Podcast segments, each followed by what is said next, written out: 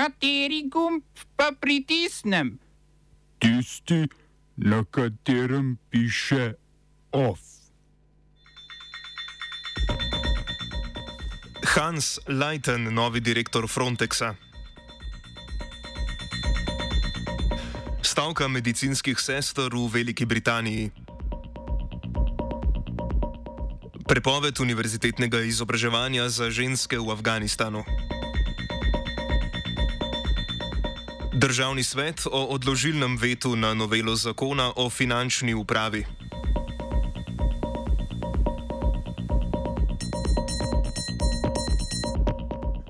Dobr dan. V Evropski agenciji za mejno in obaljno stražo Frontex so za izvršnega direktorja za petletni mandat imenovali nizozemskega generala Hansa Leitena. Na tem mestu bo nadomestil začasno direktorico Ajo Kalnajo, ki je položaj prevzela julija po odstopu Fabrisa Ležerija. Ta je Frontex vodil od leta 2015, odstopil pa je zaradi nepravilnosti pri porabi denarja, postopkih zaposlovanja in ker je agencija pod njegovim vodstvom, po poročanju Urada Evropske unije za boj proti goljufijam OLAF, naskrivaj financirala tako imenovane pushbacke migrantov v Egejskem morju v vsaj šestih primerih. Ležeri je pri tem aktivno in sistematično preprečeval natančne preiskave v agenciji. Leitens je prej deloval kot vodja nizozemske nacionalne garde Marešal Z. Olaf je sicer v petek sporočil, da so začeli preiskovati Frontex, podrobnosti o namenu preiskave pa niso navedli.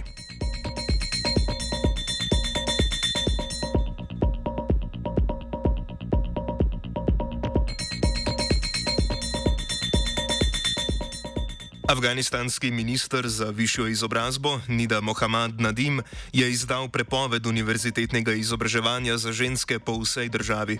Do spremembe je prišlo komaj tri mesece potem, ko je na tisoče žensk lahko, sicer z omejitvami pri izbiri študijskih mest, opravljajo sprejemne izpite na univerzo.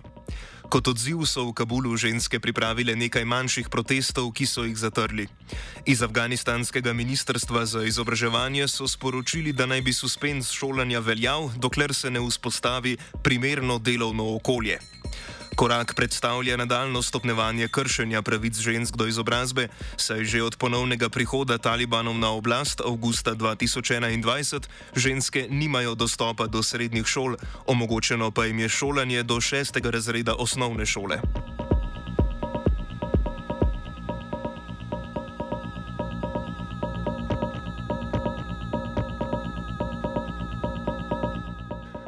Moskovska Helsinška skupina, najstarejša organizacija za zaščito človekovih pravic v Rusiji, je strani ruskega pravosodnega ministrstva prejela zahtevo za razpustitev. Organizaciji zadolženi za opazovanje sojen in policijskih aktivnosti ter pripravljanje letnih poročil o stanju človekovih pravic v Rusiji očitajo kršenje njenega pravnega statusa z opravljanjem dejavnosti zunaj njej določene moskovske oblasti. Datum sodne obravnave zahteve še ni določen, če pa bo razpustitev sprejeta, ta za skupino ne bo prva. Organizacija, zasnovana v letu 1976 z namenom spremljanja sovjetskega spoštovanja Helsinške listine iz leta 1975, je namreč že bila prepovedana v zgodnih 80-ih.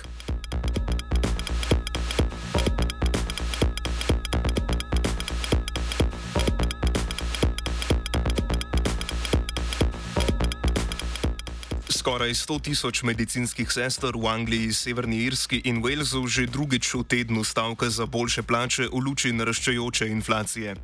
Royal College of Nursing, krajše RCN, ki organizira stavko, od vlade v 48 urah zahteva dvig plač.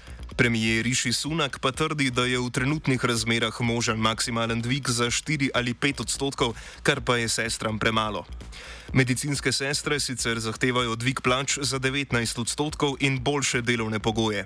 Po njihovem mnenju so realne plače medicinskih sester v zadnjem desetletju padle za slabih 11 odstotkov, prav tako pa je v istem obdobju ta poklic prenehalo opravljati okoli 38 tisoč sester. Gre za sicer prvo stavko medicinskih sester v 106 letih obstoja Royal College of Nursing. Če zahtevam sester ne bo ugodeno, napovedujejo nove demonstracije v januarju. Stavki se bodo pridružili tudi vozniki reševalnih vozil, zato je vlada za vožnjo rešilcev zadolžila vojsko.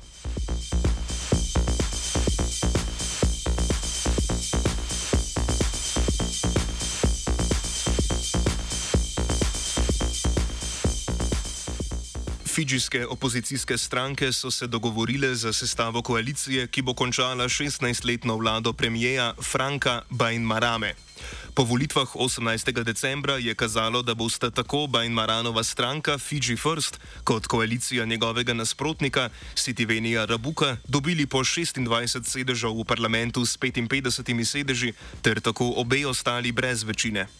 Opozicijski koaliciji se je zdaj pridružila še socialdemokratska liberalna stranka, tako da bo dosedanja opozicija imela skupno 29 sedežev, kar je dovolj, da bo Rabuka postal premijer.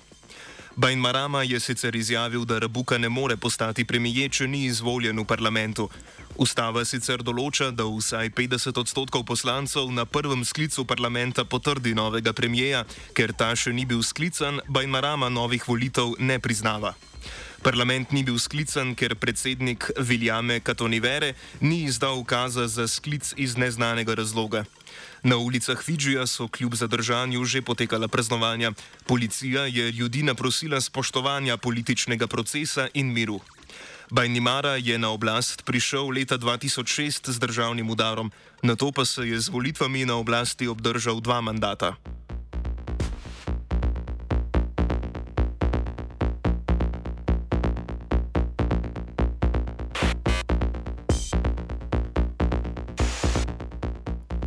Perujski parlament je premaknil predsedniške volitve na april 2024. Poslanci 130-članskega parlamenta so spremembo volilnega koledarja sprejeli s 93 glasovi za in 30 proti, za veljavnost pa morajo odlog sprejeti še enkrat. Začasna predsednica Dina Boluarte, ki je oblast prevzela po parlamentarni odstavitvi Pedra Kastilja, je predčasno izvedbo volitev podprla. Sama je sicer obljubila, da bodo volitve izvedli do konca leta 2023. Kastilja so v kongresu odstavili v začetku meseca. Da bi se izognil odstavitvi in da bi lahko izpeljal ustavno reformo, je skušal parlament razpustiti, a ga je ta prej odstavil, obtožen pa je poskusa državnega udara. V odgovor na odstavitev se je na ulice zgrnilo na tisoče njegovih podpornikov. Odstavitev so kritizirale tudi Kastiljove levičarske zaveznice v Latinski Ameriki, vključno z Mehiko.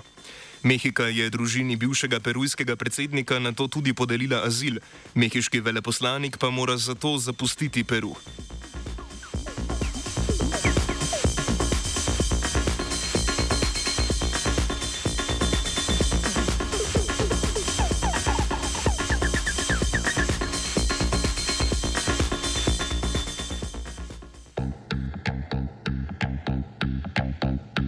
Smo se osamosvojili, nismo se pa osvobodili. Naslednje štiri leta še 500 projektov. Izpiljene modele, kako so se strani nekdanje LDS rotirali. Ko to dvoje zmešamo v pravilno zmes, dobimo zgodbo o uspehu. Takemu političnemu razvoju se reče udar. Jaz to vem, da je nezakonito, ampak kaj nam pa ostane? Brutalni obračun s politično korupcijo. To je Slovenija,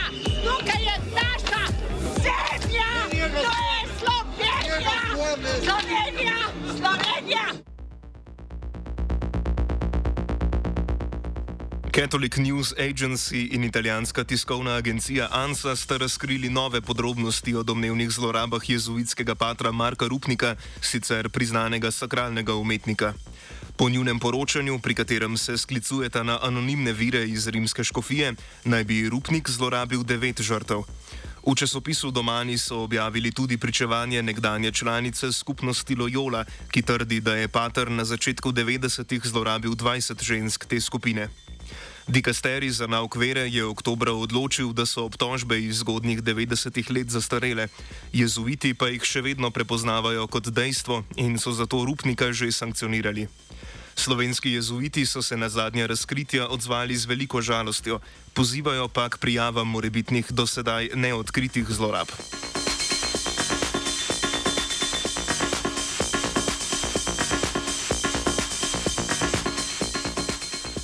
Državni svetniki na izredni seji razpravljajo o predlogu odložilnega veta na novelo zakona o finančni upravi.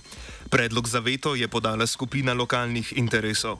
Novela zakona, ki jo je prejšnji teden sprejel državni zbor, odpravlja nekatere določbe, ki jih je sprejela prejšnja vladna koalicija marca letos. In sicer kolegijsko odločanje v najzahtevnejših primerih ter ukrep dodelitve zadeve drugemu finančnemu inšpektorju v primeru kršitve vodenja in odločanja posameznega postopka. Z novelo se ponovno uvaja trajni mandat za direktorje finančnih uradov. Spreminja se tudi ureditev finančne preiskave. Uradna oseba bo pri opravljanju finančne preiskave zdaj imela možnost pridobivanja podatkov o položaju in gibanju blaga z uporabo tehničnih pripomočkov oziroma sledilnih naprav. Cilj je po utemelitvi predlagateljev zakona naprimer odkrivanje nezakonite proizvodnje trošarinskih izdelkov. Prav to pa predstavlja kamen spotike za koalicijske socialne demokrate in levico. Novelo zakona je državni zbor zato sprejel zgolj z 38 glasovi poslanske skupine Svoboda. Če bo državni svet izglasoval veto, bo novela na, na drugem glasovanju v državnem zboru za sprejem potrebovala vsaj 46 glasov.